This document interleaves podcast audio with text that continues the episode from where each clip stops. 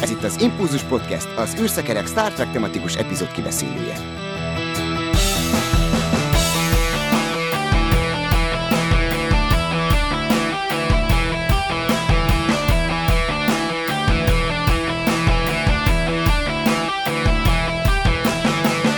Köszöntjük a kedves hallgatókat, ez az Impulzus Podcast 173. adása, mai vendégünk pedig Erzsó, akivel a Rév című epizódról fogunk beszélgetni az új nemzedékből.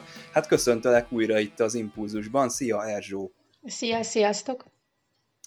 És műsorvezető társam pedig Dév, téged is üdvözöllek. Szia! Sziasztok! És én pedig Csaba vagyok. Hát néhány adással ezelőtt beszélgettünk a Women in Motion című dokumentumfilmről. Ez ugye arról szól, hogy Nichelle Nichols mit is csinált ugye a NASA-nál, valamilyen toborzási programban vett részt. Azóta, minthogyha bizonyos országokban megjelent volna ez a dokumentumfilm, itt Magyarországon lehet, hogy nem, nem is nagyon tudok erről infókat mondani.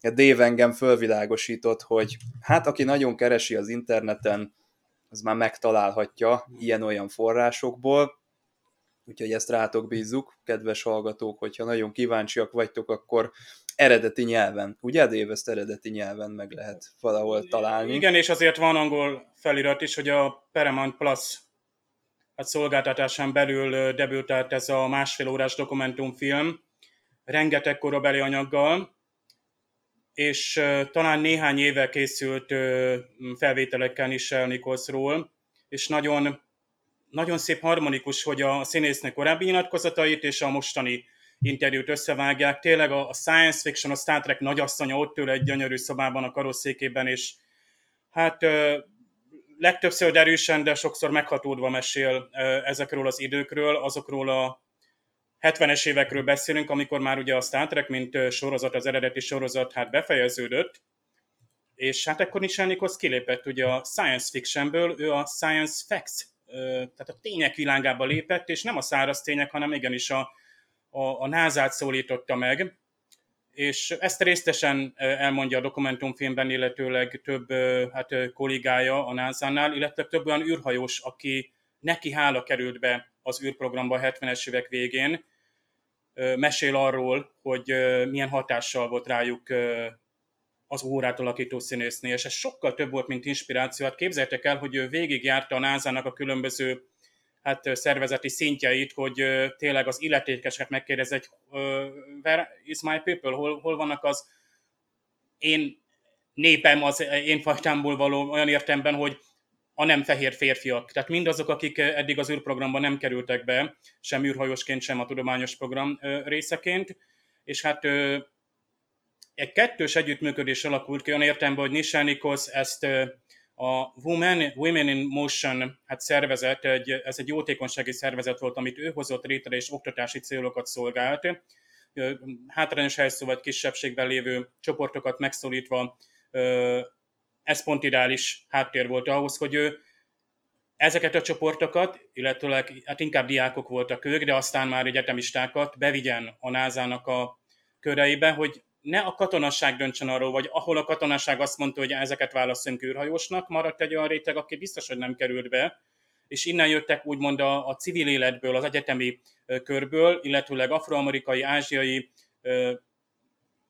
népcsoportokból, vagy lakosságból, és természetesen nők közül a, a NASA berkeibe űrhajósok, és hát vannak itt igen érdekes számok, miszerint amikor Nishan Nichols elkezdte, akkor igazából a NASA-nak 1500 astronauta, tehát űrhajós hát jelentkezése volt egy, egy 8 hónapos időszak folyamán, és csak 100 volt ebből az 1500 főből nő és mindössze 35, aki nem fehér volt. Aztán, amikor Nishan Nicholsnak hát ez a missziója befejeződött, akkor már 8000 jelentkezése volt a NASA-nak, ebből 1600 nő és több mint 1000 kisebbségét. Köztük volt például Sally Ride vagy Judy Resnick, és hát különösen, ha Judy Rezniket említjük, akkor hát Nishan Nichols, hát mondjuk úgy, hogy nagyon-nagyon csukló része volt az interjúnak, hiszen ő rajta ült a, a Challengeren.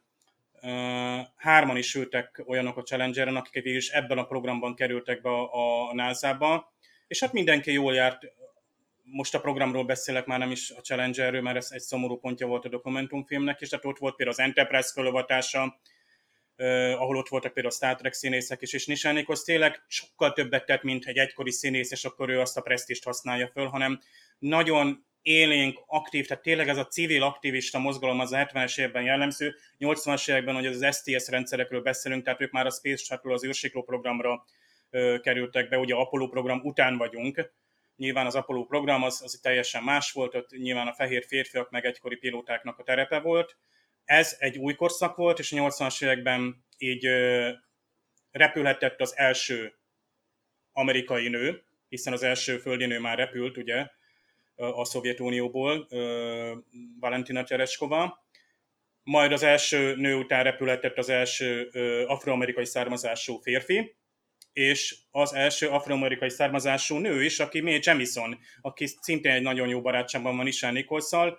Őről pont, hát ma néztem egy remek videót, egy Galileo webcastot, amiben te mesélsz róla, Erzsó, hogy May Jemison végig is, hogy is került be mert nagyon izgalmas, mert a Star Trekhez is van köze. Igen, egyébként ez tényleg ú, sok minden jutott eszembe közben, amit mondta, hogy nem is tudom, hogy mire reagálják, először a Major. Tehát ugye ez az az érdekes, ami ugye, hogy ö, Ugye ő kislánykorában látta a Star Trek-et, és ugye ő húra volt a példaképe, és ő azért szeretett volna, ha felnő, akkor újhajós lenni, mert neki nagyon szimpatikus volt, amit Uhura csinált. És én ezt azért tartom szépen, hogy ezeket a későbbi képeket láttam én is, ugye, mert ő tényleg űrhajós lett a végén, és tényleg eljutott az őbe, és utána ténylegesen találkozott Uhurával személyesen, és ezt szerintem ez akkora érzés lehet a kislánykorában, hogy eltelik 30 év álmodozó valamiről, és végül tényleg valóságá válik. Az is, hogy űrhajós leszel, meg az is, hogy találkozol a példaképeddel, aki miatt ezt bejártad. És az, hogy ténylegesen ugye a színésznő szembesült az, hogy tényleg az ő munkásság, ugye mit csinált, amit te is mondtál, hogy az, az úgymond tényleg beért a gyümölcse, mert ott van egy igazi űrhajós, akivel találkozhat, aki azért lett űrhajós, mert ő volt, mert ő létezett, és mert ő úgy szerepel. Tehát ez egyszerűen szerintem ez zseniás lehet. Tehát szerintem ennél nagyobb elismerése valaki karrierjének, meg a munkásságnak nem is kell, mint az, hogy látod, hogy tényleg megvalósul.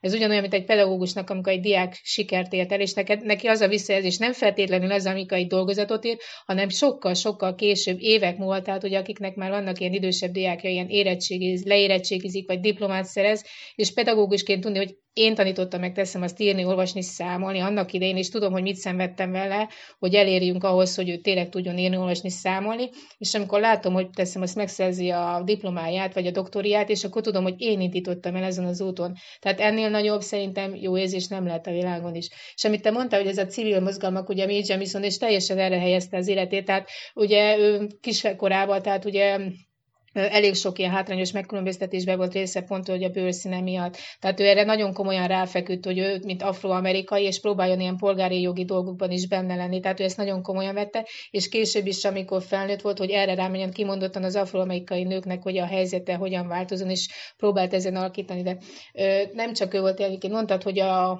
Ugye az Apollo programban nők nem vesztek részt úgy konkrétan, tehát nem utaztak űrhajón, viszont a háttérben ugyanott ott voltak, sőt, afroamerikai nők voltak a háttérben, Catherine Johnsonra éppen elég gondolnunk. Tehát a számítógépes, az élő számítógépek azok afroamerikai nők voltak, ugye nők szoknyában, és hogyha Catherine Johnson nem számoltam volna ki a röppáját, akkor ugye, akkor el, meg ugye hányan voltak, nem csak ő, ugye a munkásságnak köszönhető, ugye, hogy az Apollo program létrejöhetett. Tehát, hogy a holdra létrejöhetett, annak igenis keményen afroamerikai nők vannak a háttérben. De ugye ez a, a számolás joga filmet, ugye magyarul is sokan látták biztosan, mert hál' Istennek azt sokszor leadják a tévébe, és érdemes megnézni.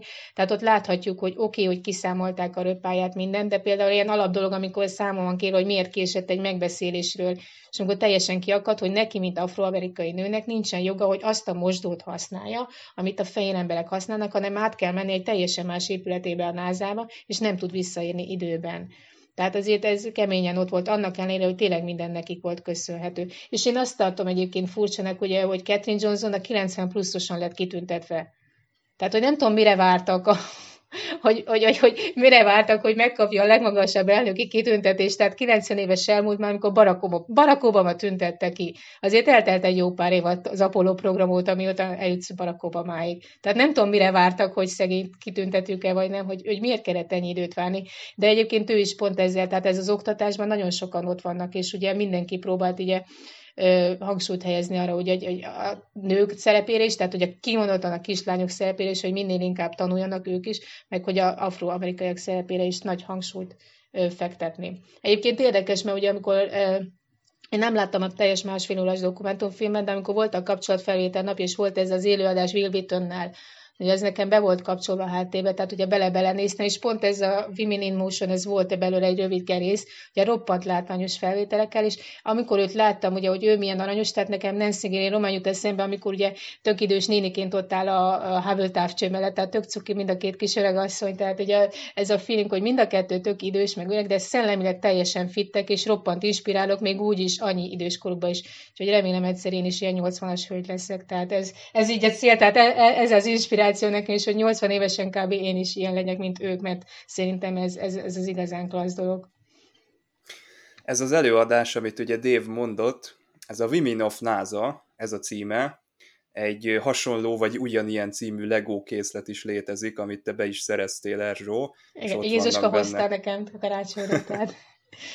Igen. És ott vannak benne az ikonikus női figurák, amiket hát ez nem limitált cucc, ugye? Ez beszerezheti Abszolút bár. nem, tehát bárki szeretné, tehát kapható, tehát, és, tehát teljesen ilyen hétköznapi, tehát ezek nem ilyen. Viszont Catherine Johnsonról van Barbie baba, tehát az a következő terv, tehát karácsonyra nagyon szeretnék nagyon jó lenni, és akkor, hogyha tényleg nagyon jó leszek, akkor ott lehet a fa alatt, mert az viszont egy kicsit már másabb kategória, de van róla is, Szelirájról is van Barbie baba amúgy, tehát mind a kettőjükről, tehát be, aki szeretne, be tudna szerezni, nem feltétlenül magyar helyekről, de be lehet szerezni Szelirájot is, meg Catherine Johnson-t is.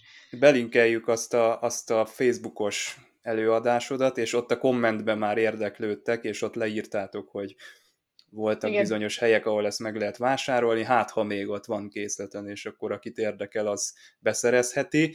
Egyébként ott magában ebben az előadásban többször megütötte a fülemet, hogy hát a, a lányok, a fiatal ö, érdeklődők, azok nagyon hamar letérnek a természettudományos pályáról, és nekem is valahogy ez a tapasztalatom, hogy esemény számba megy azért az ilyen mérnöki karokon, meg a műszaki pályán, hogyha látunk egy-egy csajt, és ott azt mondtad, hogy a, a kisgyerekeknek még megvan az érdeklődése, de valahol ott a, a felső tagozatban veszítjük el a legtöbb Margaret Hamiltont, meg a, az összes ilyen ambícióval rendelkező fiatalt, nekem is ismerősi körben egy visszatérő ilyen mondat, hogy eljutnak az érettségig, és azt mondják az egyetem előtt, hogy bármit tanulnak, csak matekozni ne kelljen, vagy ne jöjjenek már elő ezek a reál tantárgyak. Ez, ez mit gondolsz, miért van, vagy mit lehetne csinálni, hogy, hogy ezt a dolgot egy kicsit inspiráljuk, vagy, vagy hogy még több nő legyen a, a, az ilyen területeken? Hát szerintem ugye nekem nem Margaret jutott eszembe, nem pont Nancy. Ugye neki középiskolás korában kimondottan meg is mondták, hogy miért nem a latinnal foglalkozik inkább nőlétére, hanem miért matematikával akar foglalkozni, és hál' Istennek Dafke Just is azzal foglalkozott, tehát nem azt mondta, hogy feladja, hanem, hanem inkább ezzel foglalkozott. De például Catherine Johnsonnak is volt egy ilyen dilemmája, hogy a francia nyelvből is foglalkozzon, vagy pedig a matematikával. Tehát azért elég érdekes lenne a NASA történet egyébként, hogyha így bele, ez a mi lett volna hajáték egy másik világban, hogyha Catherine Johnson úgy dönt, hogy inkább a francia nyelv doktora lesz, és nem pedig számolna, hogy vajon mi lett volna az Apollo programa, tehát így érdekesebb, bár rengeteg tehetséges nő volt, úgyhogy egészen más nevet kéne ismernünk. De egyébként szerintem ez pedagógus függő, magamtól tudom, tehát meg ez mindenki tudja, hogy nem mindegy, hogy milyen, milyen tanár tanítja az adott tárgyat. Tehát ezt tudjuk nagyon jó, hogy egy tanár meg tudja szerettetni, meg meg tudja utáltatni is a tárgyat. Teljesen mindegy, hogy miről van szó, mert mindenkinek van egy alapbeállítottság, hogy inkább a humán vagy a reál fele húzódik, és ez nem több független. Tehát ez mindenkinek megvan a maga kis világa, és hogyha egy olyan tanárral találkozik, aki ezt ki tudja benne bontakoztatni, akkor ez teljesen jó irányba haladhat. Tehát, hogyha van valakinek egy remek matematika, biológia, fizika vagy kémia tárán, Isten, akkor valószínű, hogy megmaradhat ezen a pályán, akár érettségi után is, mert úgy tudja tanítani. Hát nekem is van olyan ismerősöm, aki olyan szinten tudja elmagyarázni nekem az integrális deriválás, hogy azt hiszem, hogy tényleg ez egy jó és egy érdekes dolog, és jó vele foglalkoztatni, viszont van olyan típusú tanárom is, akit, akivel, hogyha meghallgatom ugyanazt a témáról az óráját, égnek áll a és azt mondom, hogy soha többet, és ebből biztos, hogy bukás lesz a vége. Tehát nem mindegy, hogy hogyan interpretálják ezeket a dolgokat. Tehát nagyon erősen pedagógus függő, és erősen komoly a felelőssége szerintem itt a pedagógusoknak, mert ők tudnak igazán odaállni a gyerek mellé, és támogatni azt a belső készet, mert nem mindenki olyan erős, mint a Nancy Roman, hogy azt mondja, hogy just is megmutatja, mert nem mindenki olyan erős. Valakinek kell egy kis hátszél, és akkor talán több lány maradna meg a pályán is, de hát ez tényleg messze mutató, tehát tényleg ilyen pedagógus kérdés. Utána, amikor egyetemre bekerül, ez szintén, mert nem mindegy, hogy milyen tanár mentorálja, mert ott is tudjuk nagyon jó, hogy felsőoktatásban is el tudják az embert riasztani végleg a dolgoktól,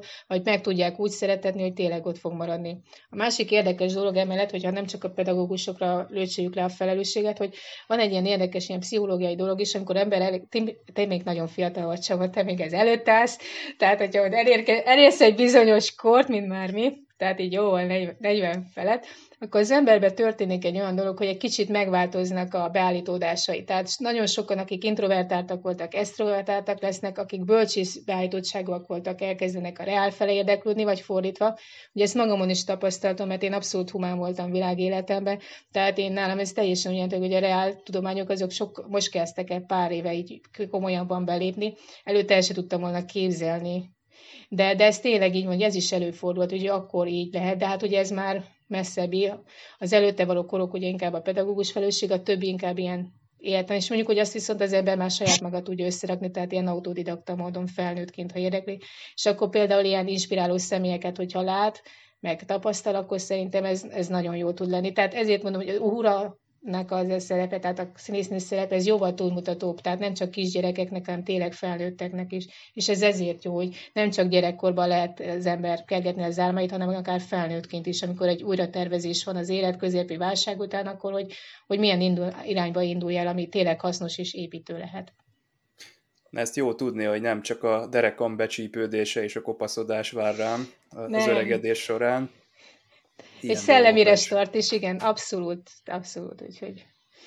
Dave, mit gondolsz a reáltudományt választó hölgyeknek a száma, az korrelációban van a Star Trek rajongó hölgyeknek a számával? Mert azért mi itt, akit meg lehetett környékezni, szerintem hívtuk az impulzusba, és vállalta is a szereplést, de lehetne több is, ugye? Vagy Úgy mi a te tapasztalatod? Lehet, hogy téged a... körbevesznek a rajongó lányok. Uh, igen. uh, az az igazság, hogy meglepődtem, amikor elkezdtem először Star Trek találkozókra járni, és hát uh, igen, be kellett látnom, hogy Star Trek és Star Wars és bármilyen más science fiction fantasy területen nagyon aktívak a lányok, a hölgyek, és a humán és a reál érdeklődés gyakorlatilag nem vízválasztó. Itt most a Star Treknél vagy a science fictionnél is most most olvastunk egy Alex Kurtzman interjút, és a Kurtzman nagyon jó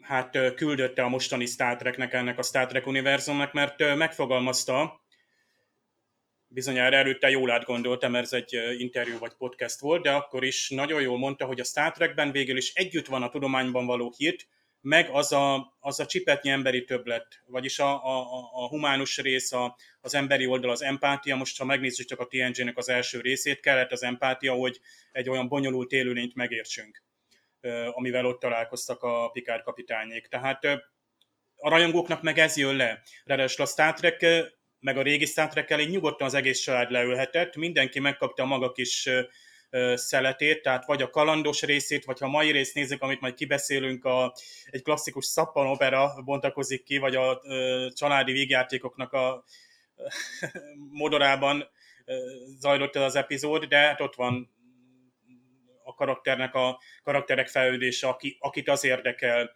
hogy egy, egy, egy által a kedvelt szereplő hogyan fejlődik végkísérleti 7 évig. A, a tudomány mindig ott van, mint megoldási lehetőség, de mindig ott van az az emberi tényező, amivel döntenünk kell például, hogy azt a tudományt föl szabad használni, milyen kereteink vannak, vannak szabályok, elvek, amiket be kell tartani, és az állandó nyitottság. Tehát pont ezért becsülető a Star Trekben az, hogy folyamatosan fölnyitja az ember szemét, hogy még mindig van hova tovább fejlődni. Bár a mostani Star Trek sorosztok mindig igyekeznek kihangsúlyozni, hogy hát a világunk most mennyire válságban van, mindenféle okok miatt, és akkor a Star Trek sorosztok is ezt tükrözik. Ez nem is baj, csak aztán amikor 20 meg 30 év múlva nézzük azt a Star Trek sorosztot, és esetleg egy optimizmus keressünk, most lásd itt a TNG ben, hogy teljességgel ott van a, a, abban való optimizmus, hogy az embernek joga van kint lenni, megvannak a képességei is, nagyon sokat kell még hozzá tanulni, biztos, hogy találkozunk ismeretlen, meg veszélyes dolgokkal, de, de már megvan az, az erkölcsi érettségünk, vagy az emberségünk már alkalmassá tesz arra, hogy kint legyünk. Míg ha egy mai Star Trek sorosztot nézünk, akkor inkább azt mondjuk, hogy hát még csak a holdig sem menjünk el újra, hanem küldjünk ki szondákat, mert, mert az emberiség a mai akár elkölcsi állapotában nem alkalmas, vagy a technológia sem fog oda, oda fejlődni, így szinte érezzük ezt a visszahúzást. Lásd, hogy 9 év alatt a Hold program hova jutott, ugyan meghirdetésétől, meg most vissza akarunk jutni a Holdra már mióta, mikor voltunk utoljára Holdon. Na de eljutottam a Star Trek optimizmusától a pessimizmusig. Hát nem lett volna szabad. Figyelem! A műsorban spoilerek bukkanhatnak fel.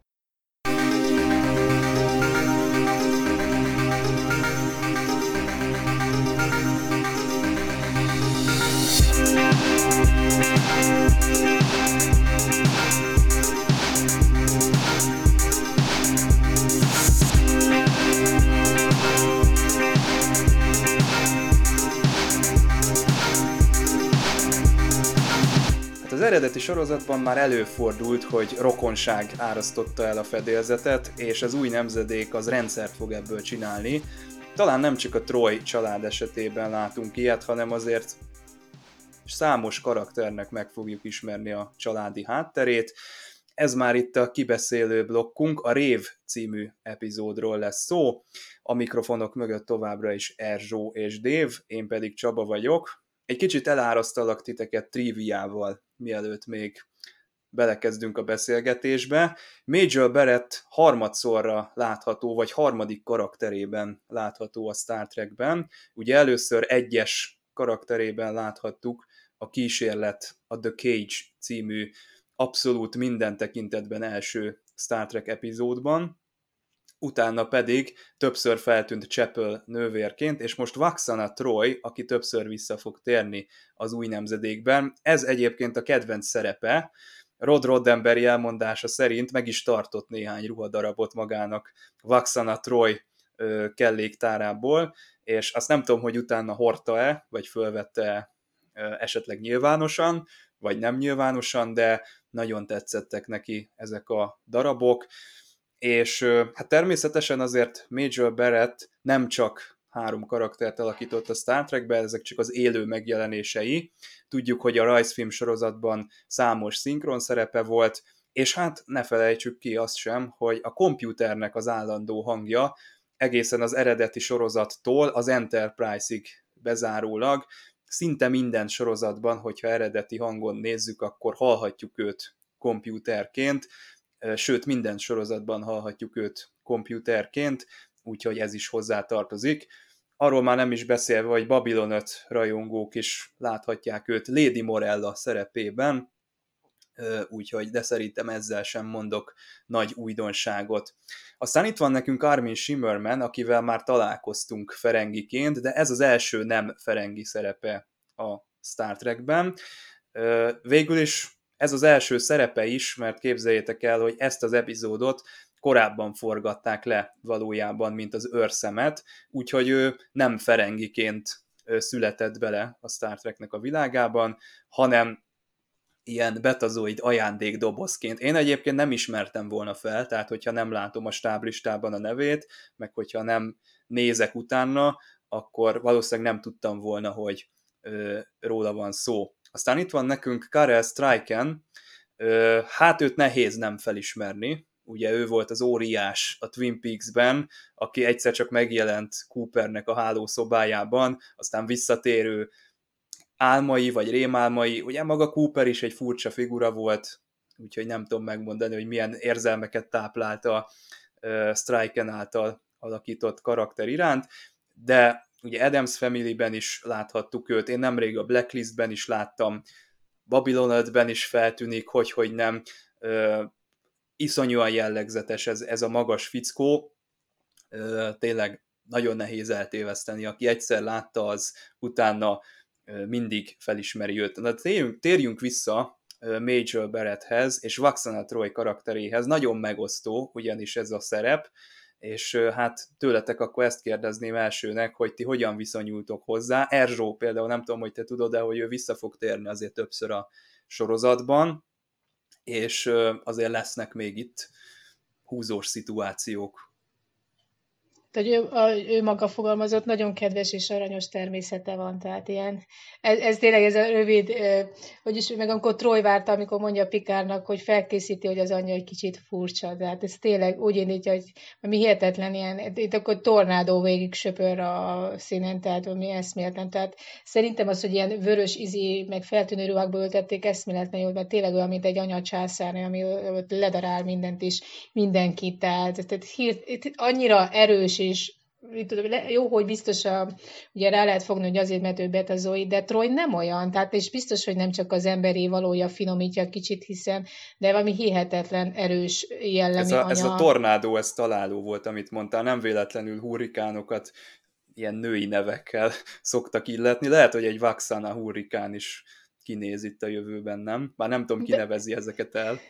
De, tél, de, de ő tényleg, ha más nem, akkor egy üstökös, vagy valamit kell róla elnevezni majd egyszer, hogy, hogy ami becsapódik, és így vajnik tönkre tesz, hogy egész... Teljes pusztítás. A, igen, mert ő tényleg olyan, amikor ugye belegondolunk, amikor a liftben is vannak pikára, és csak mondja, mondja, mondja, ugye pikár próbálnak, tehát mint ami se történt, mondja, mondja, mondja tovább, tehát egyszerűen hihetetlen, lehetetlen leállítani még innen. Tehát mindenben tényleg ő az abszolút ő, első uralkodó, és a legjobban tudott, tehát teljesen ilyen felette van mindennek. Én el sem tudom képzelni, hogy ebből a karakterből hogy lehetne kihozni egy ilyen alázatos, szeréd vonalat, tehát mert egyszerűen hihetetlen, hogy mennyire erős, és tényleg ilyen határozott jellem.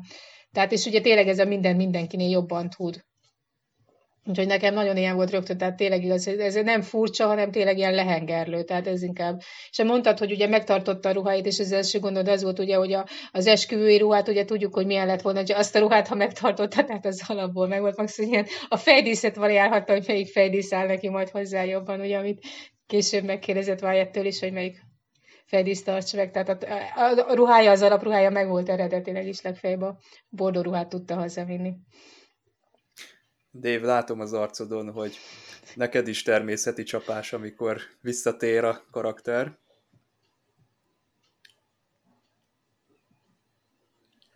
Hosszú évek lesznek még előttünk, hogy tehát 7 évadon keresztül, és a Deep Space Nine-ban is viszont látjuk Major Barrett hát tényleg frenetikus játékát, és a színésznő sziporkázik. Ő is olyan, mint Q, hogy kipécézi magának hát már itt Picard kapitányt, aztán ezek a csipkedődések ezek tovább mennek, és hát Picard ezt itt tudja venni a lapot. Például, amikor hát ő aláztosan átveszi a, a csomagot és cipekedik a többieknek a nagy elképedésére, mert hát ezt nem vált a kapitánytól, aki például a gyerekekkel nem tud bánni, meg hát ugye elég merev, most így az első tíz részben legalábbis, itt ő, ő igazából feloldódik és még ezen az estén is jól tudja érezni magát, és még helyre is teszi ugye a diplomáciai feszültséget. Hát már ha annak lehet nevezni, igazából itt a családi diplomáciáról van szó, de hát itt különböző hát fajok tagjai között jönne létre majd ez a házasság, és hát rögtön adódik az, hogy többet megtudunk a, a, a szereplőinkről, ami elég ritka így a Star Trekben az eredeti sorozathoz képest. Ott időnként megtudtuk, hogy hát hogy Körtnek is volt testvére, a McCoynak volt szerelme, igen, a Spocknak is, őnek is már el kellett volna, vagy el kell majd venni valakit, tehát jönnek ilyen háttérutalások, de nagyon kevés. Tehát ha most Uhuráról talán elhangzik egy-két mondat, vagy Scottinak a hátteréről, az már sokat mondok itt, viszont egy nagy ilyen családi újraegyesülés vagy egyesülés, hát egy esküvő előtti ö, találkozása a két ö, családnak, és hogy ki lesz itt a, a vőfénász, vagy nem is tudom, Pikár kapitánynak milyen szerepet ö, ö, szánta. Tehát ugye ebből hatalmas hollywoodi vígjátékok születnek, és által mindig nagy sikerrel. Tehát ilyenkor kijönnek ezek az extrém dolgok, még a, a normál emberekből is ugye a feszültség, a szülőkből, meg a gyerekekből egyaránt, és hát itt jókora feszültség van amiatt, mert Troy ugye úgynevezett genetikai eljegyzés, tehát szinte olyan, mint ő indiai lenne, vagy nem tudom, tehát így előre elrendeltetett, hogy ezt a fiatal embert kell majdan férjévé fogadnia, és fordítva. És hát a néző azért megnyugszik, hogy végre Riker is a helyére kerül, és azért fölmerül az, hogy igen, Rikernek is fáj ez, féltékeny, nem nézi jó szemmel a szituációt, de Rikernek az egyenruha fontosabb. Tehát ez most egy nagyon nagy betűkkel elénk van téve, és ugye a, a néző előtt ez a tényleg amúgy egy, egy laza, jóképű, tiszta, macsó típus, azért bemutatódik, hogy őnek egy kötelesség mennyire fontos, és ott van a szerelme vég a hajónak, itt, itt is, nem tudom, Trojnak szólít.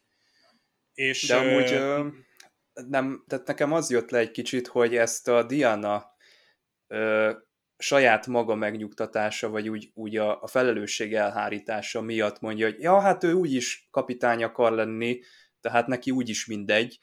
Én ezt egy kicsit így éltem meg, hogy a Diana könnyedén lemond erről a hajóról, vagy úgy elszeretik innen pikpak. Tehát, hogyha nem történik meg a, az, ami az epizód végén megtörténik, akkor simán elmegy erről a hajóról, és ez kicsit nekem olyan, nekem, hát nem tudom, úgy nem furcsa volt ebben a, ebben a részben, és Riker, Riker ő azt mondja szerintem, hogy hát ő, ő mindkettőt akarja, tehát a hajót is akarja, és a Diánát is akarja.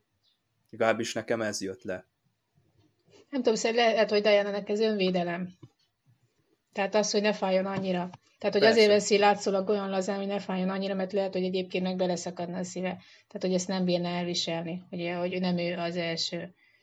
És, nem, hát és, és ugye ez, ez biztos, hogy időbe telkelhet megtanulni, hogy megta, megszokja az, hogy, hogy benne van a kis kosárba, mert ott van a top 3-asban, de nem ő az első. Annak ellenére, hogy fontos. És, és, és van, van, van, amikor tudomásul kell venni, hogy vannak olyan emberek, akiknek a, a, vannak elsődleges dolgok, amik fontosabbak, de attól még nem jelenti azt, hogy a másik nem fontosabb, kevésbé, csak máshogy. És ugye Riker ezt szerintem kimondottan ez a típus hogy oké, okay, hogy neki fontos a karrierje, meg a hivatása, meg minden, és tényleg mindent oda akarja tenni, de ez is fontos, és látszik egyébként nagyon jól lejönnek ezek, a jó volt, hogy a szereti színyek, amikor az arckifejezések. Tehát amikor nem mondanak semmit, csak vágnak egy érdekes arcot és az mindennél többet jelent. És jó, hogy azt mondja, hogy oké, okay, elmegy megnézni, mert az már csak a blablabla, bla, bla, de előtte, hogy milyen arcot vág, meg milyen arccal ül, meg ezek a tekintetek, amik szintén elég beszédesek tudnak lenni. És többet mondanak annál, mint hogy utána az ember meg ideologizálja, meg racionalizálja a dolgokat, meg próbál így magyarázkodni, vagy kimászni a helyzetből. Úgyhogy nem biztos, hogy Diana-nak is olyan egyszerű ez, de viszont ö, valahol mégis így el tudna ezt fogadni, hogy le, azért talán, hogy ne legyen annyira rossz. Uh-huh. Itt mondtad az előbb, Erzsó, hogy ö, teljesen más Vaxana és teljesen más Diana, és ö, lehet így élni, mint ahogy Vaxana Troy él, tehát ez a teljes százszázalékos, amit egyből gondolok, azt egyből kimondom. Hát nem omlanak össze társadalmak, hogyha így, így működnének, vagy, vagy ez lenne a, a rendje mindennek. Láttunk ilyet a, az új Picard sorozatban, ez az Absolute Candor, de ott is ez csak egy, hogy mondjam, szekta, vagy egy szűkebb társadalmi réteg, akik ezt a gyakorlatot így hát űzik, de mit gondoltok erről, hogy azért a hazugságok, hogyha mi ember, tehát a mi emberi mi voltunkból indulok ki, akkor azért hozzátartoznak a, vagy nem, lehet, hogy ez a hazugság, ez erős szó, de a kis őszintétlenségek, vagy a kisebb füllentések hozzátartoznak a, az empátiához is akár, vagy ahhoz, hogy egymással tudjunk élni. Egyébként ez nagyon jó gondolat, amit mond a lányának, hogy az emberek nem bírnák elviselni a teljes igazságot. Tehát az, hogy meg ugye az, hogy, hogy, hogy, hogy kimondani a gondolatot, mert magunkról tudjuk, hogy gondolni, és ugye ott, ott kendőzetlenül őszinte az ember és hogy eléggé durva következményei lehetnének annak, hogyha az ember kimondaná azt, amit ténylegesen gondol. Tehát ugye azért tekintettel kellene a másik emberem is, meg tényleg érdemes mérlegelni, és nem biztos, hogy tényleg hazugságok ezek, és ez az, amit nagyon nehéz megtanulni, hogy mi az a határvonal, hogy mi az, ami hazugság, mi az, ami kegyes hazugság, mi az, ami fülentés, és mi az, ami ilyen jótékony elferdítés. Tehát azért nem mindegy, hogy az ember hogy mintál a dolgokat, és ugye ehhez ez nagyon sok idő és nagyon, so, nagyon nagy bölcsesség kell, hogy az ember ezt meg tudja csinálni. És lehet, hogy nem feltétlenül baj az, hogy nem tudunk itt telepatikusan olvasni a másik emberek gondolatába. Engem például iszonyatosan zavarna, ha belenéznének a fejembe. Tehát biztosan engem zavarna, és, és én sem szeretném mindig tudni, hogy a másik ember fejében mi van. Tehát kellene egy ilyen, ilyen határ. És egyébként annak idén a gyerekemmel beszéltünk erről, ugye a gyerekem, ugye most a 16 és fél éves gyerekemre gondolok az ötből, tehát olyan nagyfiamra, és a fiúra. És ugye neve vele volt egy olyan, amikor felmerült, ugye, hogy Elon Musk szeretné ilyen csippet beépítetni, ugye az ember ugye tudja a gondolatot olvasni, meg stb. És pont erről beszéltünk, hogy ez milyen iszonyatosan frusztráló lenne, hogy az embernek nem lenne egyetlen egy intim, szabad pillanata, semet rád néznének, és tudnád, hogy mit gondolsz, mire gondolsz, stb. és milyen para lenne. És a legkevesebb az, hogy az iskolában nem tudsz puskázni, meg stb., hanem eleve, mint lény, hogy nem tudnál létezni, mert teljesen le lennél mesztelenítve, és szerintem ez iszonyatosan frusztráló és zavaró lenne. Tehát, hogyha valaki ezt ilyen szinten tudná művelni, meg ilyen szinten tudna belemenni a magánszférádba. De lehet, hogy... hogy ez csak azért probléma, mert a mostani állapotunkban, hogyha persze így megjelennének telepaták, akkor az nagyon rossz lenne. De lehet, hogy ezt az evolúció megoldja. Tehát ha, ha így ilyen lényekként létezünk, akkor elképzelhető, hogy akkor így élünk, és akkor nem lesz privát szféránk, vagy nem tudom, tehát valahogy természetesen alkalmazkodunk egy ilyen állapothoz. De lehet, hogy ez hülyeség, nem, ez érdekes ilyen track gondolat, mert ugye mindegyik részben, és hány részben benne van, ahányszor ilyen gondolatolvasó lények jelennek meg, tehát már a legelső szériában is, ugye, hogy amikor ilyenek vannak, akkor mindig olyan lesajnálóan beszélnek rólunk emberekről, hogy mi beszélünk egymással, és nem a gondolatunkon kezd értekeznek. Tehát ők ezt mindig egy ilyen alacsonyabb rendű valami dolognak fogják fel, ugye, amit te mondtad, hogy az evolúciónak egy ilyen alacsonyabb lépcsőfokának. Tehát az, hogy már valaki a gondolatain keresztül értekezik, hogy az egy bizonyos fajta érettségi szintet jelent. És ami ugye volt is szó róla, ugye, amit te mondtál, hogy az emberiség nem érett ugye a holdra a szálláshoz, meg stb. stb. Tehát az is lehet, hogy ez hogy nem vagyunk elég érettek még ahhoz, hogy telepatikus úton érintkezzünk egymással, hanem még tényleg el kell tenni egy pár száz évnek, hogy, hogy ehhez eljussunk, hogy erre a szintre. Hát vagy, vagy ebbe is vannak ilyen ö, privát ö, fokozatok, hogy meddig engedünk be valakit, meddig oké, okay, tehát ugyanúgy, ahogy fizikai valóságunkat is, ott is falakat húzunk, lehet, hogy ezt a elménkben is meg lehet csinálni, és nem muszáj egyből valakire rárontani, és a teljes agystruktúráját szétbontani a legmélyebb szintekre behatolva, de hát majd, hogyha telepata leszek, akkor megmondom.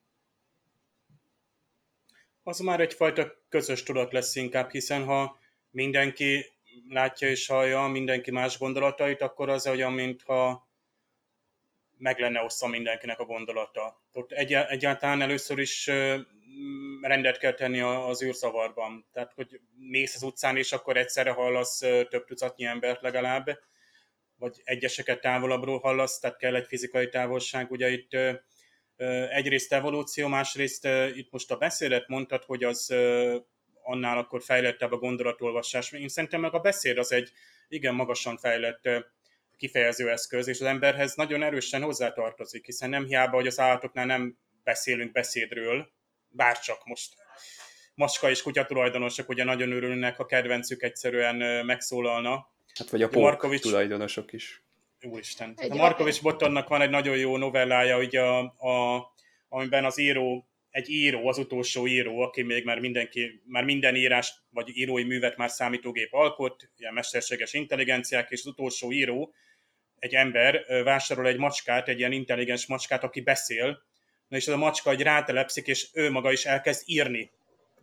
Tehát ez a legdurvább fricska, ugye, és egy kis novellában nagyon jól leírja a botont, hogy, hogy hova jutunk, ha amire most olyan büszkék vagyunk, hogy szellemi alkotások, termékek, úgy szólva, hát termékek is ezeket gyújtal, de olyan produktumok, mint amikor a, a, a kertet megműveled, és, és, és annak örülsz, és a munkavégzés fontos.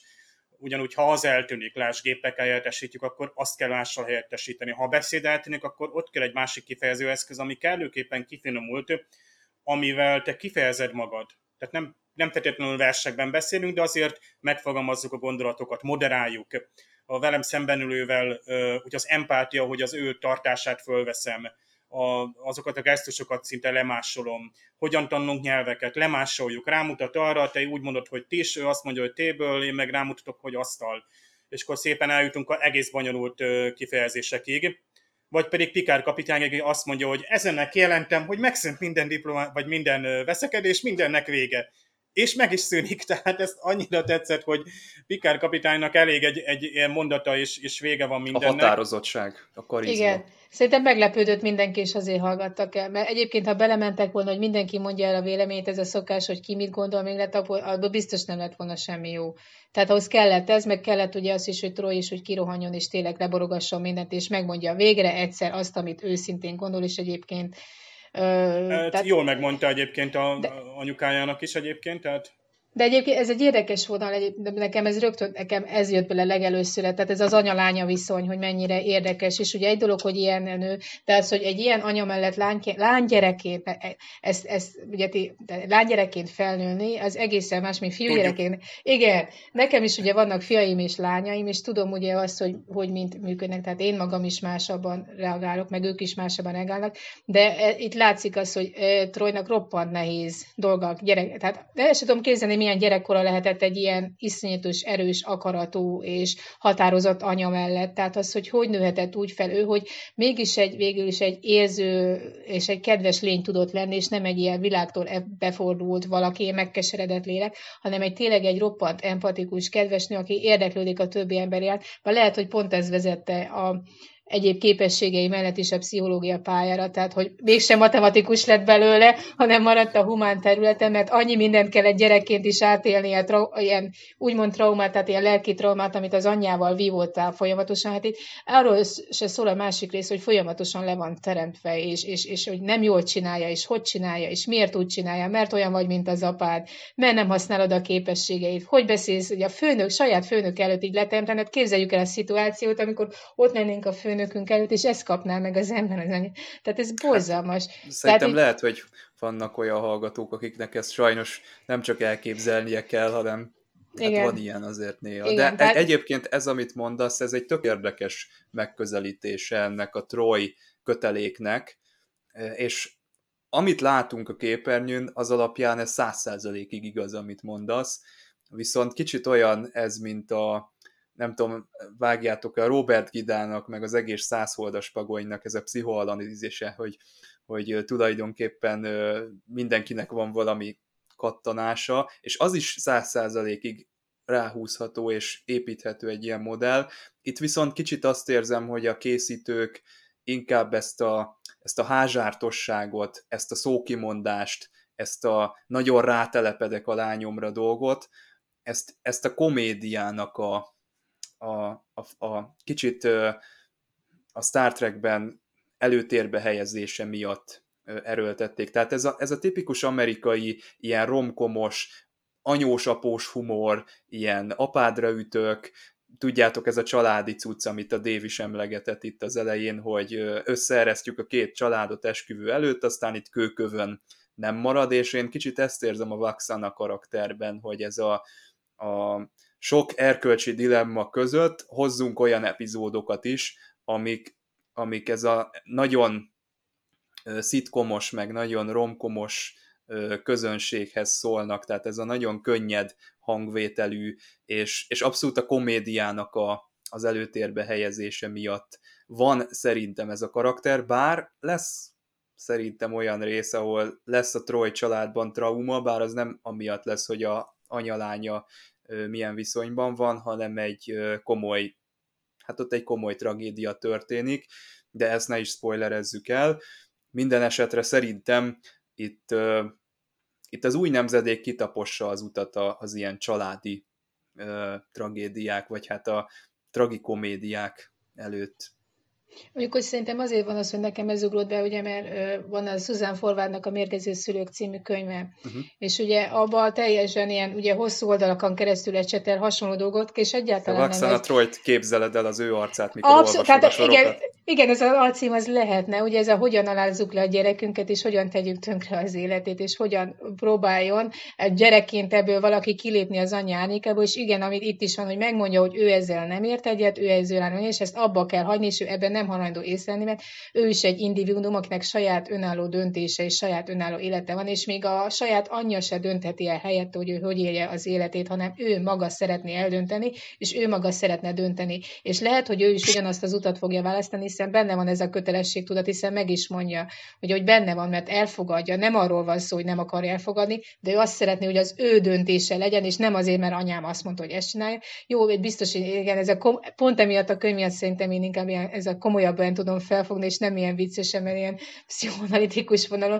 De egyébként, ha nem ezt nézünk, akkor persze ez lehetne, de, de minden ilyen romkomnak van egy ilyesmi dolga, és hogyha az emberben, tehát ez a keserédes röhögés, hogyha az ember ilyen komolyan veszi, akkor egy kicsit igen, mint a, igen, ahogy mondtad, a Mici Mackó is, tehát az, hogy azért eléggé eléggé befordító tud lenni füles karakterrel valahol. Mici tehát... Mackó az egyébként milyen kőkemény filozófiai tartalom igen, amúgy, igen. tehát az a, az, a, az a nyers, mély filozófia, hogyha megnéz az ember egy ilyen ö, Mici Mackót, vagy elolvas. Van itt még azért pár téma, amit megpendít az epizód, például itt van egy civilizációnak az utolsó pár képviselője, meg hát ugye nagyon úgy kezdődik ez az egész, hogy itt az elrendezett házasságnak a nyomorúságát, vagy nem tudom, tehát így a, a, az egész szituációnak a drámaiságát fogjuk megkapni, de nem, tehát ez, ez teljesen kikerüli a történet, nem, nem szándékozik erről semmit mondani, csak a Pikárnak van egy olyan mondata egyszer, hogy bárcsak jogom lenne közbeavatkozni. Hát ez a ugye 24. századi fejjel, vagy, vagy akár mai fejjel is, ugye, hogyha egy néző úgy hirtelen rátekint erre az egész kialakult helyzetre, akkor ez a, ez a gondolat jut eszébe, mint Pikárnak, hogy basszus, hát ezt már meghaladtuk, ez már, ez már a múlt, ezt szüntessük már be. Ö, aztán ö, ki tudja, hogy mennyire van az embernek igaza, mert végül is bármilyen skifit megnézünk, ott alapértelmezett, hogy a fajoknak a többségénél, minthogyha elrendezett házasságok léteznének, legalábbis én úgy figyeltem meg, hogy ez, ez csak ilyen nálunk trendi dolog, vagy, vagy ez nekünk a, a heppünk, hogy így szerelemből kell házasodni, meg, meg együtt élni, meg ilyenek.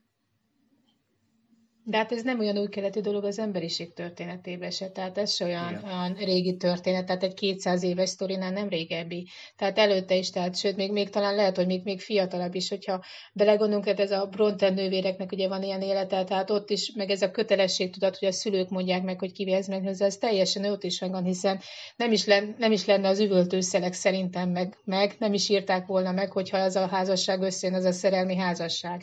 Mert ugye ott is ott van, de ez az elrendelt házasságoknál ugye az agymenőkre gondolunk Rácsnál, ugye neki is van az egyik évadban, ugye amikor ilyen elrendelt házasságot, hogy a szüleik szerez, szüle, szereznek neki feleséget. Mert Indiában amúgy igen, ez, ez teljesen így, így korrekt és bevet, és ugye, ö, ugye a többiek nem értik, hogy hogyan menne ő ezt bele, hiszen ugye előtte mindig randizgatott, meg keresett barátnőt, meg mindent. Ő mondjuk, hogy úgy fogalmazott, hogy elege lett abból a sok kudarcból és sikertelenségből, és rábízza inkább magát ugye a hagyományra, mert akkor valószínű, hogy találnak neki valami feleséget, és ugye hogy inkább belemegy ebbe a eleve elrendelt házasságba.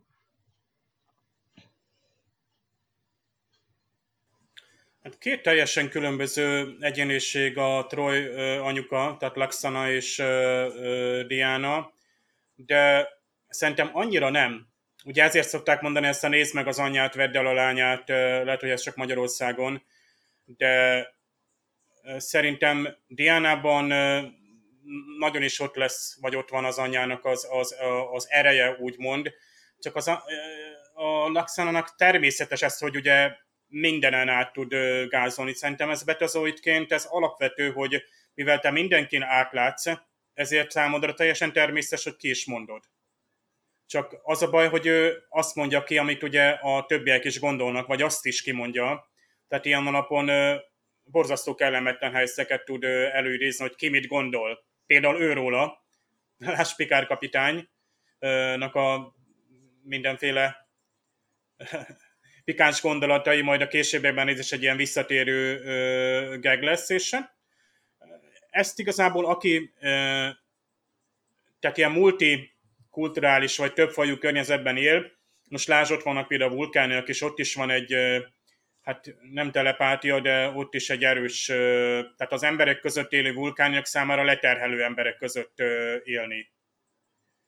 És ők is úgy szóval bezárkoznak, tehát zavarják őket még a, a, az embereknek a, a, a szaga is, tehát igazából ők nekik nagyon nagy alkalmazkodás. Tehát ezért ez a csillagfotta, ez szép lassan rájövünk, hogy egyáltalán nem magától értetődő. Itt is egy vegyes házasságról van szó, bár ugye kés van emelve, hogy a férj az emberi. Tehát Diana ugyanúgy egy emberhez menne majd férhez, egy orvoshoz ráadásul, ahogy a Laxana is egy emberi férfihez ment férjhez, és ezért ez mond valamit ő róla. Ez egyfajta nyitottságot jelent. Tehát ez, erről a hölgyről aztán látjuk, hogy tényleg a, a, ő is a, a nagyasszonya a történéseknek mindig ott van a középpontban, mindig alakít és formál, de sokszor ő is aztán gyönge lesz, lásd Csaba által említett epizód, ami egy, egy, ugye egy tragédiát elevenít fel, de van egy odós rész is, ami szintén egy ilyen nagyon megható, egy ilyen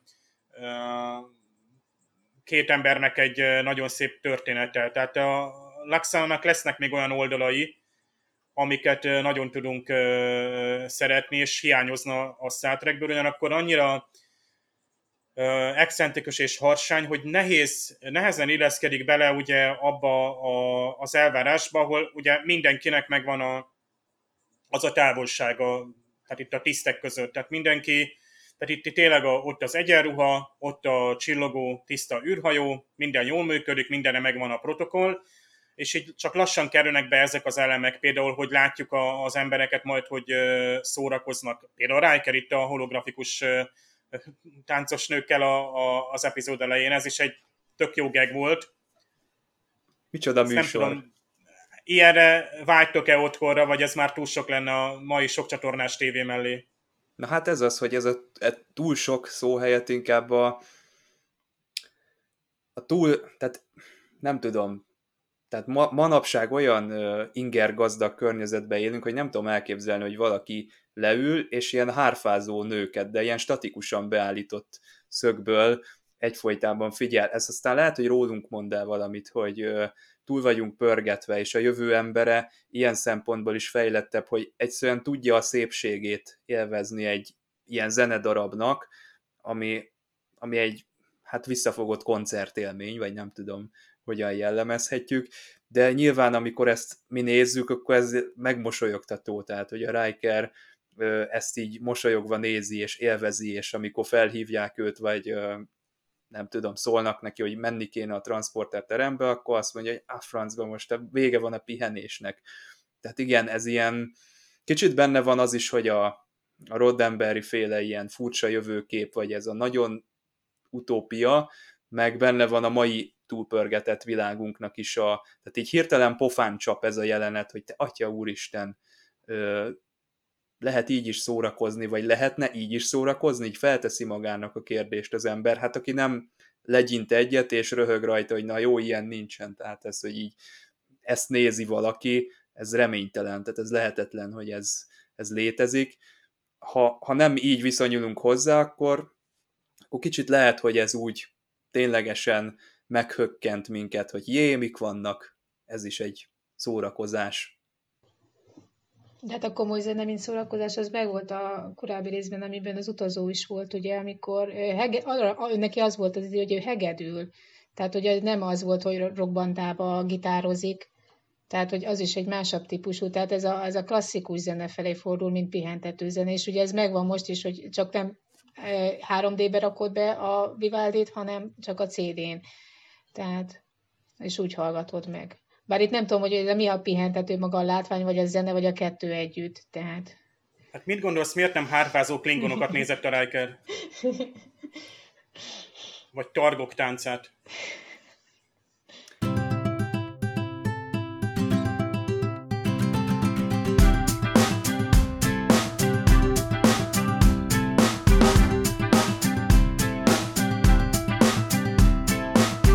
Rögtön az epizódnak a magyar címével kezdem, mert nagyon tetszik ez a rév szó, sokkal jobb vagy kifejezőbb, líraibb, mint ha azt mondanám, hogy kikötő, vagy akár egy űrkikötő, és tényleg egy biztos kikötőbe jut jut el ugye ez a taríliai hajó, meg ugye az egész cselekmény.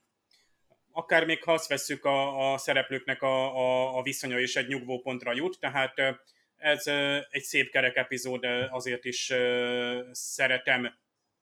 Vannak viszont érdekes, furcsa fordítások, például amikor a Troy megkapja ezt a, hát talán ez a hozományláda, vagy mindenképpen egy ilyen nász ajándék, vagy az arra felhívó figyelmeztető jelzés, ugye ez a beszélő arc, és hát a, a Riker csak azt mondja rá, hogy érdekes darab, míg azért a Troy rögtön elkezd hát így sopánkodni, hogy ne, ne, és hát bizony itt a Riker magyarul sokkal rosszabbul reagál, mert eredetileg azt kérdezi csak, hogy what's going on, míg a magyarban azt mondja, hogy mi baj Troy. Egyszerűen nem is értem, hogy a fordító miért tette be ezt így, mert nem értem, miért nem Diana-nak szólítja. Vagy lehet, hogy persze munkatársak, és akkor direkt így szólítja, de szerintem még Pikár kapitány is szólítja a Diana-nak. Ugye Diana pszichológia is lelki és diplomáciai tanácsadó, tehát őt nem csak abból áll az ő tevékenysége, hogy érzelmeket tud felfogni, tehát empata, ugye nem gondolatolvasó, mert csak félig betazoid. És uh, szerintem ez a kettőjük kapcsolatára elég uh, rányomja a, az egészet meghatározra, hogy ő felfogja a Will Rikernek az érzéseit iránta. Tehát lehet, hogy a, a Riker ezért ilyen szögletes néha vele, hogy csak azt mondja, hogy Troy. Kiderül, pontosabban Riker fölhívja a figyelmét Rihanna-nak, hogy az, az apja emberi lény volt, human. Hát ugye nem humanoid, hanem human, ugye itt fontos, és jól fordították, hogy a humanoid ugye emberszerű, lények azért a nagyjából kétlábú, kétkezű, hozzánk hasonló lények, amire a TNG-ben van is egy remek magyarázat, hogy miért hasonlít mindenki hozzánk az alfa kvadránsban. Nem szinkronos érdekesség, de jó, hogy említenek egy ilyet, a Tosban is volt néha, hogy, hogy bevágtak csak egy random egy ilyen föderációs szabályt. Itt például az derül ki, hogy, hogy itt ez a Valeda, hát kormányzó nő azt mondja, hogy itt ugye ő nekik nincsen védelmi erőforrásuk, ezért a föderáció az egyezmény értelmében harckötelezettség mm, egy harckötelezettséget alapít meg egy föderációs egyezmény, és Pikár még rá is bólint, hogy így van. Tehát itt voltak éppen itt egy ilyen szerződésről van szó, amiben a föderáció védelmet biztosít ennek a, a, a bolygónak. Aztán a Subwarp Speed-et most azt úgy fordítjuk, hogy fénynél lassabban közeledik egy űrhajó, nevezesen a Tarél hajó, ami én azt hiszem az eredeti, vagy az első magyar TNG szinkronban talán taréliai volt. Ez a Tarelian, ez szerintem így jobban, ugye Kardassian, kardassziai. Tehát ez a Tarél, ez egy picit furcsán hangzott nekem. Déta is arról beszél, hogy a Tarella például M-típusú bolygó olyan, mint az önök földje ő már Tarellát említ, tehát elég furcsa magyarítások vannak itt. Kraserdok is azt mondja, hogy a, a tarélok a földi 21. század szellemi szintjén voltak, és ez is elég, ha valaki sült bolond. Viszont az eredeti változatban Krasher azt mondja, hogy a 20. század szintjén voltak, késő 20. század szintjén voltak a tarélok, és ez bennem fölveti azt, hogy hát a TNG-ben rengeteg fajjal találkozunk, akiket egész véletlenül a 20. századi földhöz hasonlítanak, vagy 20. század végi földhöz, vagy éppen a 80-as évekhez. És a fordító viszont valószínűleg már 21. században jegyezte le a magyar nyelvű változtat, és valahogy akaratlanul is a földi 21. századról beszél. Ezért érdekes, egy update-et kapott a fordítás. Ettől függetlenül mindkét században voltak sült bolondok itt a, a Földön, ha úgy vesszük. Aztán hát Pikár megkérdezi Détát, hogy mikor érünk a révhez, de Pikár rögtön megbánja, mert Déta azonnal elkezdi felsorolni, hogy egészen pontosan az angolban 13 óra, 9 perc és így tovább másodperc múlva. Pikár leinti persze, hogy köszönöm. A magyar Déta, hát olyan, mintha a fordító félrehallotta volna, hogy angolul ugye 13, 13, hát általában kezdő nyelvtanulóként követjük ezt a hibát, a 13 és a 30 keverését az angolban. A fordító itt valami miatt elkövette, akár szándékosan, akár nem. A magyar déta szerint 30 óra múlva érünk a, a Taréliához, tehát sokkal lassabb a magyar Enterprise D. Hát igen, és a akkor jönnek ezek a nagyon érdekes párosítások, mert miközben hát az előtérben zajlanak az események, a háttérben látjuk, hogy hát Déta megközelíti Mr. Homot, aki hát szakadatlanul önti magába a piát, és hát Détán már eleve látjuk, hogy olyan, mintha ő maga is ittasan érkezett volna erre az egész estére, mert kicsit így mosolyog, kicsit olyan félszegen oda megy ez a Mr. Homehoz, és hát aztán ugye megkérdezi, itt elég merészen, hogy a magyarban egy hát igen jó sziporkával, hogy figyelembe véve az alkoholfogyasztását, nincs a felmenői között esetleg gödény, vagyis pelikán, amely állatra céloz déta, az a borzas gödény, a Pelecánus crispus, a madarakhoz tartozik, gödényfélék családjába, egy elég nagy vízimadár, mert három méteres fesztávolsága van, és 180 centis nagyméretű madárról van szó, és naponta másfél kiló halat is megeszik. Ez az igencsak falánk teremtés. És hát ezért hasonlítja a magyar déta ehhez a Mr. Homot, míg az angolban itt igazából csak arról beszél sokkal szárazabban, hogy is your lineage at all mixed with human, hogy egyáltalán a származása keveredik-e, van valami emberi egyáltalán származása van. Gödönyről szó sincs az angolban. De ha nem volt elég a madarakról, a madarakból, Picard az egerészövet említi, pontosabban az a magyarban azt mondja, hogy Mr. Data úgy keringít, mint valami héja. Tehát Data itt keresi azokat a szituációkat, ahol ő jól be tud kapcsolni és megfigyelni az embereket, és igen, csak jól szórakozik. Ugye az angolban ugye az a buzzard, ami egerészői vagy halássas, de az amerikaiban, úgy szóval a köznyelvben egy ilyen undok alakra is vonatkozik, ezért a Picardnak igencsak éles a megnevezése Détára. Viszont hát Détának nagyon tetszik ez az egész, sőt, még később is, amikor Troy kifagad és azt mondja ugye az anyósára, elnézést, hát nem az anyósára, hanem az egész társaságra, akik ott már közben eléggé szidják egymást, hogy hát Pity Bickering, busztustalan vartyogó békák, ez jön ki a, a magyarban. A Bickering az csak annyit jelent, hogy pörlekedés. De ez a vartyogó békák, ezt nem tudom, a magyar fordított ilyenkor mindig dicsérem, hogy olyan ízesen átjön, és olyan jól szórakozok az epizódon, és itt kifakad az anyjára. Egyébként Déta persze szemtelenül megkéri, hogy a társaságot, hogy legyenek szívesek folytatni ezt a, a béka vartyogást, mert igen izgalmasnak találja. Tehát Détának az egész egy ember kísérlet szokás szerint. Aztán a végén még egy kis, megint egy félrefordítás, mi szerint ugye Laforge ugye kettes warp sebességfokozattal 5-7, tehát 5-7 vagy 57 irányba indul el, de magyarban 59 lesz ebből. Ezeket a számokat sosem értem, mindig azt magyarázom, hogy esetleg a, a száj szinkrona jobban rámegy a, a, a 9 meg a 7, ezt vagy a szinkron stúdióban változtatták meg. Nem baj, jól ért véget az epizód, és szerintem a magyar szinkron is sziporkázik, jó, jót lehetett mulatni rajta.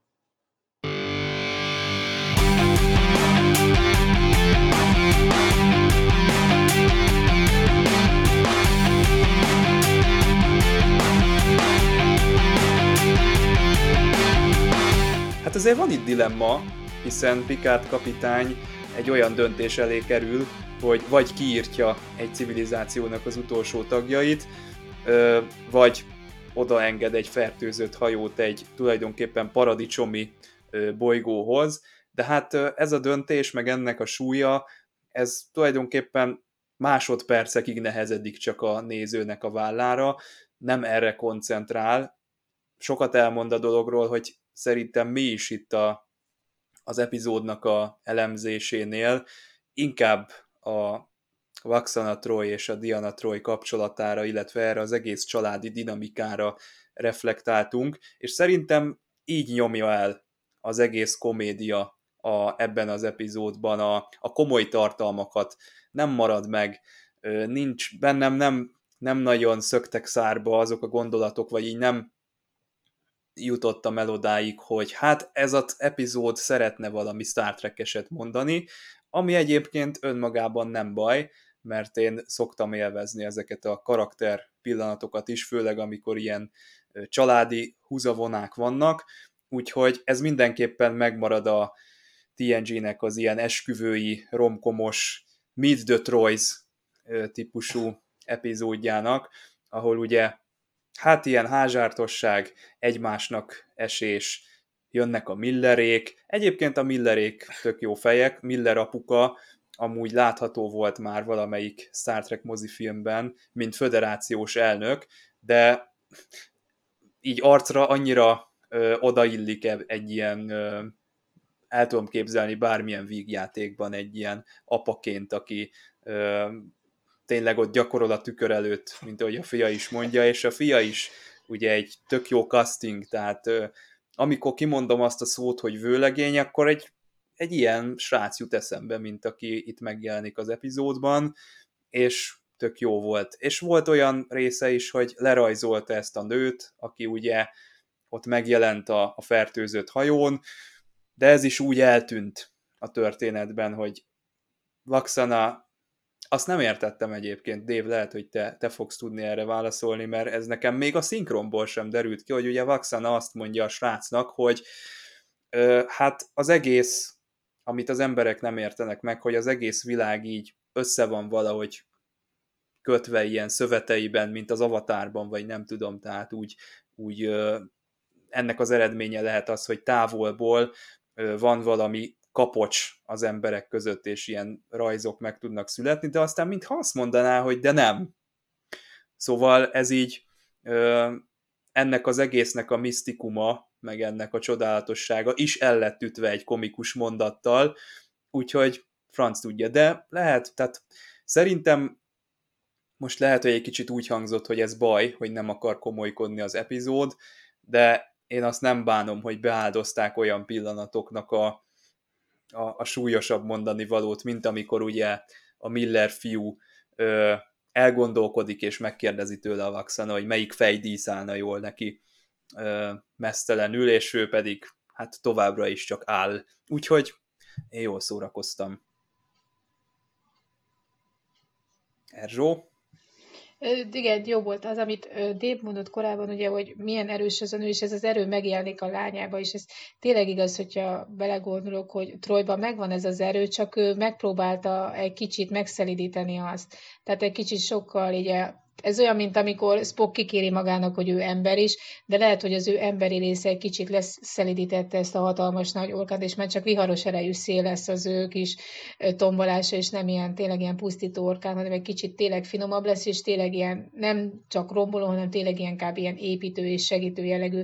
Tehát nem véletlenül, hogy az, hogy az ő pozícióát ilyen jól el tudja látni. Tehát, hogy tényleg nem csak a, megvan a képesség, hogy empata, hanem tényleg az is tud lenni. Tehát, hogy tényleg ezt jó irányba tudja úgy fordítani azt, ami benne van. És lehet, hogy tényleg ezért ilyen, mert ugye a anya ereje benne van, de ő, ő ezt tudja valahogy kezelni. És ugye ezt meg, meg egészen ügyesen tudja ő ezt az így dolgait ö, csinálni, hogy ott rendezgesse, hogy mi és hogy legyen, hogy végül is a jó, igen, nekem ez a veszőparipám, ugye, hogy ő így nőtt fel meg minden, de végül is a saját önvédelmére került, meg tudja úgy oldani az életét, hogy végül is ő neki ez jó legyen, és az ő lelke nyugodt legyen, és végül is akik körülötte vannak, tehát nem úgy, hogy elpusztítja őket, hanem az, hogy ők is valahogy ezt el tudják valamilyen szinten fogadni, hiszen Riker is valahogy el tudja fogadtatni, annak ellenére, hogy nem lesz boldog a tudattól, hogy ő férhez megy, de az, hogy ő neki ott marad a hajó, és ő ezt tudatosítja benne, hogy neki a hajó attól még meg fog lenni, tehát amire vágyik, az neki meg lesz, ami fontos is lett. És ugye a vőlegényhez is hozzá lett volna menni, neki is meg tudta volna adni, amire várik, amire vágyik, ugye az, hogy ott van mellette, mint orvos, mint tudós, és segíteni fog a kutatásaiba. Tehát, hogy ezt el tudta volna úgy rendezni, hogy végül is mindenki ilyen úgymond megelégedettsége jön ki a sztoriból, ugye az anyja is tudomásul veszi, ugye, hogy ő férhez ment, tehát az a részét is rendezi, és még Millerék is megnyugodnak, hiszen nyelnek egy helyes szép menyet, ugye, mert ők teljesen el voltak tőle bűvölve, hogy milyen egy bájos kis hölgyet kapnak. Tehát, hogy valahogy szépen el tudja mindent rendezni maga körül, ne legyen ilyen rombolás, meg pusztítás, és ez, ez biztos, hogy ebből az erőből fakad neki, meg a bölcsességéből, ami, ami neki egy plusz. Hát, hogy ő egy kicsit így tényleg ilyen empatikusabban áll a dolgokhoz. Szegény Millerék a bájos kis hölgyel meg együtt megkapják a egész Igen, családot, és az anyukát is. A nászasszony az nem lesz semmi lesz, tehát az biztos. Tehát. Főleg, ami, ahogy ugye mondja, hogy hogyan néz a Miller apuka rá, tehát ugye azért meg ugye a savanyú asszonyságról, stb. Tehát azért megvan a véleménye róla, tehát azért ez érdekes lenne. Meg igen, amikor kérdezi hogy ki, ki, kinek képzel minket, hogy úgy utasítgat minket, ugye, mint hogyha a cselédei lennénk, és ugye amikor így felcsatta, hogy kicsoda vagyok, hát A, biztos rémlik nektek, hogy amikor a gyűrűk urában az egy gyűrűre, a, a, ú, nem jut eszembe hirtelen a szereplő nem, és akkor így átváltozik hatalmas nagy ugye, erő, és ez kb. ugyanaz volt, amikor ő is felcsattan, hogy ő kicsoda és micsoda, és milyen pozíciói vannak, hogy hát persze, hogy van neki joga, hogy ő itt pattogtassa az embereket, hiszen ő nem akárki, hanem valaki, így csupa nagybetűvel. Hát pont, hogy Bet az egy ötödik gyűrűjének, vagy nem is tudom minek az őre, Ó, a, e, e, a Laxana. De valami nagyon tehát szép, egy... olyan hosszú pozíciója van, tehát ez a... Ú, nem tudom, melyik háznak a lánya. Igen, igen, igen. Igen, nem tudnám hirtelen megmondani, de ó, ilyen, ilyen valami háromsoros pozíciója van. Több, tehát, több címe szokták, is van, igen. igen. Tehát nem hiába, tehát a, a személyisége szerintem ez hozzátartozik, hogy hát ő, ő, ő ilyen is lesz mindig. Igen. Meg a másik ez, ami hogy is hívják, amit tetszik, van ez az szó, amikor beszélgetnek ketten, Troy meg Riker, hogy most már nem leszek tovább. Ez viszont ez olyan aranyos és így megható rész, tehát egy az, hogy, hogy én nem leszek most már neked az. Tehát ez hát én, ilyen... sajnál, én kicsit sajnálom a Riker, szerintem kegyetlen volt ez az epizód neki. De amúgy igen, amit az előbb mondtatok, a, amit a pszichoelemzésből kihagytunk, lehet, hogy ez az elit tudat, ez azért nagy mértékben meghatározza a Vaxanának a, a hozzáállását, és ugye ez a különbség Diana és Vaxana között, hogy Vaxana folyamatosan egy valamit reprezentál szerintem. Diana meg egy csillagflotta ö, alkalmazott. Egy sárvérű, tehát hogyha nem, nem tiszta vérű sárvérű, benne van egy emberi vonal, és most már nem, nem igazi varázsló.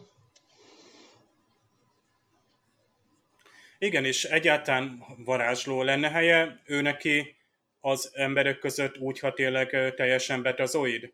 Tehát egyetlen egy telepataként egy, egy űrhajón. Ugye őróla is tudjuk, hogy néha le tudja védeni, vagy le kell védeni a, a, az elméjét, hogy ne foghassa mások gondolatait, amik nagyon erőteljesek, hiszen olyan lényekkel is találkoznak. Van úgy, hogy egyenesen szenvedést okoz ez neki, de nem ez is mozifilmben is van erre egy erős példa. Illetőleg hát az az Imzadi, ez egy igen fontos megnevezése ugye az a szeretett lény vagy személy, akik között már egy kötelék alakult ki, és hát Riker az egyetlen fedélzeten, aki hát ugye, és a Fayetnek el is mondja a Diana teljesen őszintén, és olyan szépek azok, az a beszélgetés is ott, és olyan természetes módon feloldódnak ezek a hatalmas problémák. Tehát például amikor a, a Pikár bejelenti a, az, hogy most ugye köszöntik a, a, az ifjú párt, ott ebben a, ezen a briefingen, ott Riker fogja magát és kimegy. Tehát ő, ő, ő ezzel is mondjuk úgy, hogy és ott Diánának is van egy ilyen kínos mosolyal fogadja az egészet, mert kínos a szituáció.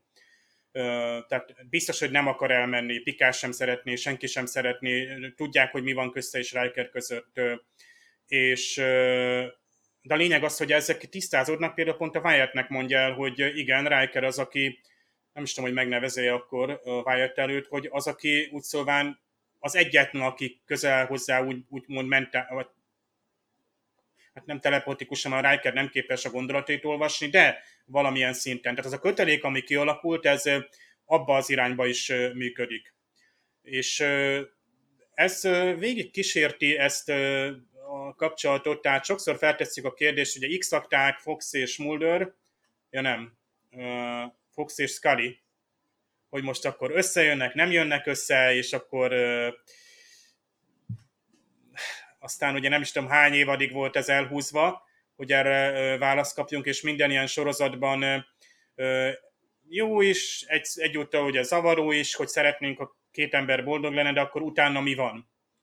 Mi történik, ha egymásé lesznek? Most valaki nézze meg például a Gessel sorozatot, de nem lövök le onnan se poént. Ott, ott is megy egy erős családi szál, egy ilyen szerelmi szál, és ott hozzá van téve a nyomozós, meg ez az írói szál. Itt a, a TNG-ben nagyon érdekes, hogy a science fiction, ezek a sitcom, szappanopera elemek hogyan férnek meg. Tehát láttuk már az eredeti sorozatban ilyen, hát ott is ilyen, nem is tudom minek nevezhetjük, ilyen nagyon elborult komédiaszerű epizódokat. Tehát amikor a szereplők mondjuk külső befolyás alatt táncoltak, énekeltek, csókolóztak netán,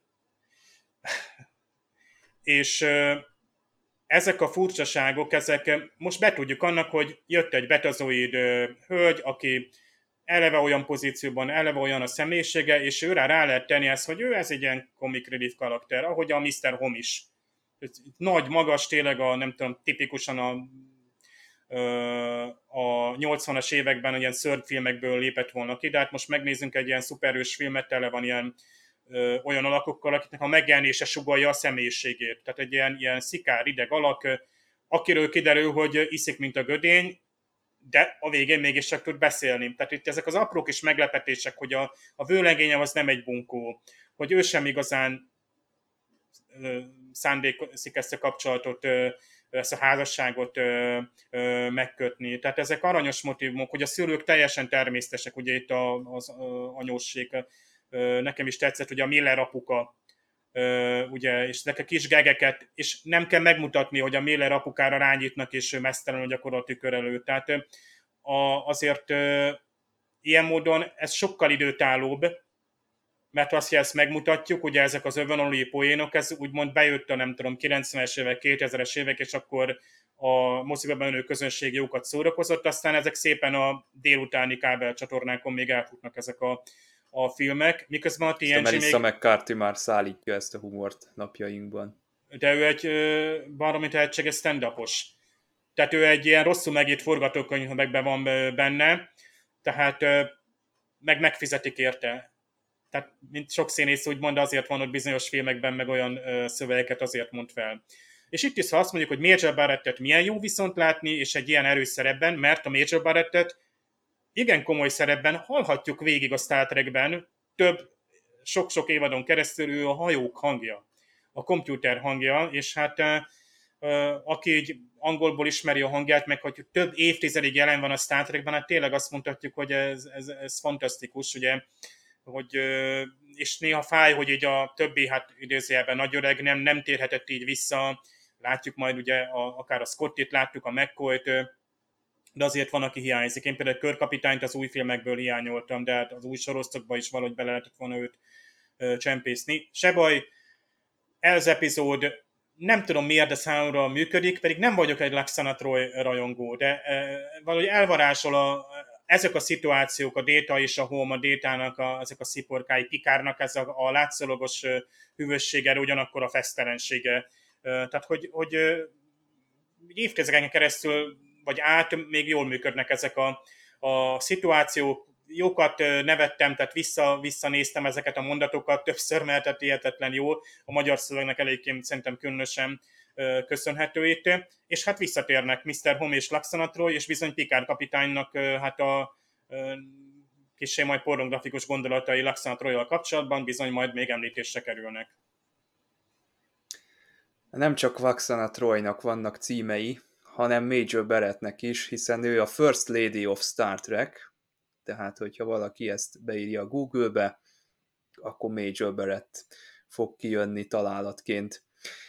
Hát azt hiszem, hogy a The Big Goodbye fog jönni, és most nem a nézőktől búcsúzom, hanem ez az epizódnak a címe, ami jövő héten jön. De az az igazság, hogy hát az adásnaplónak a végébe föl kéne írnom a következő epizódnak a címét, mert mindig nagy bajba vagyok, és itt kapkodok, hogy ezeket kikeressem és megnézzem, de most itt a nézők előtt nem fogok itt matatni, úgyhogy nekem ilyen emlékeim vannak, hogy ez a holofedélzetes epizód jön, remélem, hogy nem mondok rosszat. Minden esetre Erzsó, köszönöm szépen, hogy megint itt voltál, és kiegészítetted műsorunkat. Köszönöm szépen, hogy meghívást megint. Örülök, hogy itt voltam. És Dév, neked is köszönöm a szakértelmet erre a hétre. Jövő héten találkozunk. Sziasztok! Sziasztok! Sziasztok! Thank you.